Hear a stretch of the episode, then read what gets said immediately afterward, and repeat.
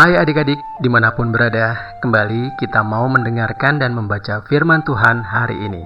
Doa kakak kiranya roh kudus terus membimbing hari-hari adik-adik semua, serta memelihara adik-adik dan keluarga dengan kekuatan dan kesehatan di tengah pandemi COVID-19 ini. Ya, apa pun yang terjadi adik-adik, tetaplah bersyukur dan bersuka cita senantiasa dalam Tuhan. Hari ini mari kita membuka bagian Alkitab dari Kisah Para Rasul 9 ayat 10 sampai 19a. Sekali lagi dari Kisah Para Rasul 9 ayat 10 sampai 19a. Sebelum kita membacanya, mari kita berdoa. Adik-adik ikuti ya. Tuhan Yesus yang baik, gembalaku yang baik, bimbing pembacaan firman Tuhan hari ini. Kiranya Roh Kudus memberi hikmat untuk mengerti dan memampukan melakukannya dalam kehidupan sehari-hari. Dalam nama Tuhan Yesus, kami sudah berdoa. Amin.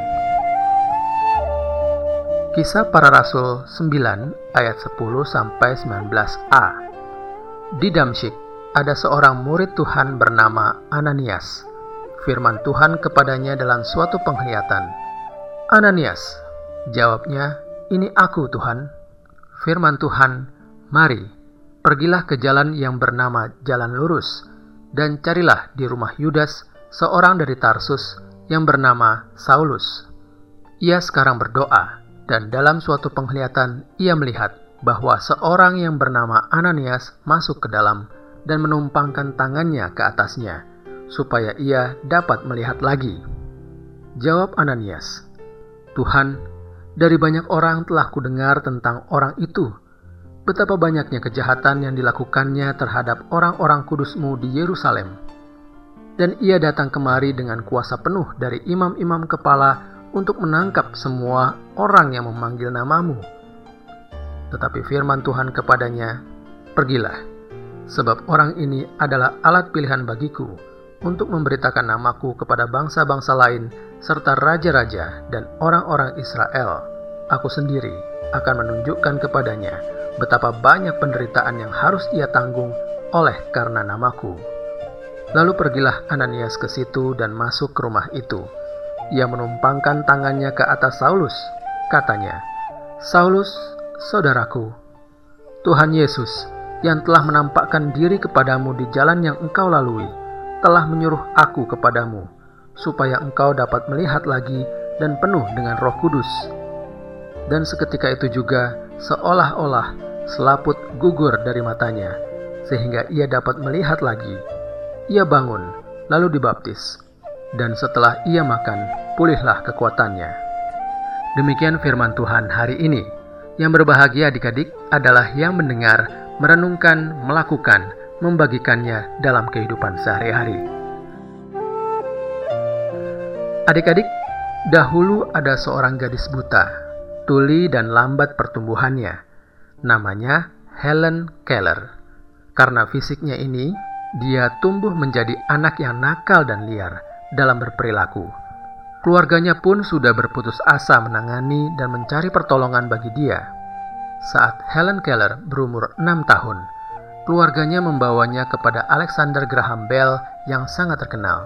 Ia adalah guru dari orang-orang tuli. Menantu laki-lakinya adalah kepala sekolah Perkins Institute untuk orang buta dan tuli. Bell menyarankan agar mereka membayar Anne Sullivan sebagai guru untuk Helen. Anne Sullivan berumur 21 tahun, tamatan dari Perkins Institute. Anne adalah orang yang sangat pandai berkomunikasi dengan Helen melalui huruf-huruf manual yang ada dalam genggamannya. Anne juga nyaris buta dan tuli akibat demam panas yang sangat tinggi pada saat ia masih kecil. Anna membantu Helen untuk berbicara, merasakan getaran di dalam tenggorokannya, serta menggerakkan mulutnya.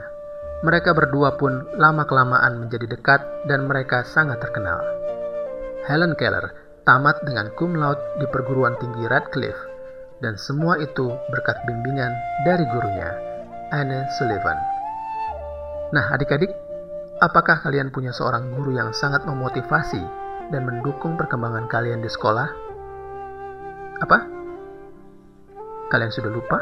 Wah, jangan begitu ya.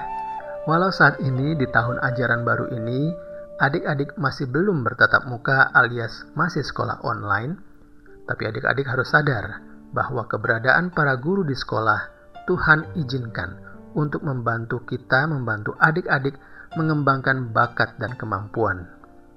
Adik-adik harus terus bersyukur atas keberadaan mereka. Para guru di sekolah adik-adik ada untuk kebaikan adik-adik. Ya, dengar-dengaran dengan guru saat bersekolah itu sama dengan dengar-dengaran dengan orang tua adik-adik. Baik, sampai di sini renungan kita, mari kita berdoa. Bapa di surga, terima kasih bila kami beroleh kesempatan untuk belajar kepada guru-guru kami yang membuat kami berpengetahuan dan berketerampilan seperti sekarang ini. Mereka adalah petunjuk dari Tuhan untuk kami mengembangkan diri. Dalam nama Tuhan Yesus, amin.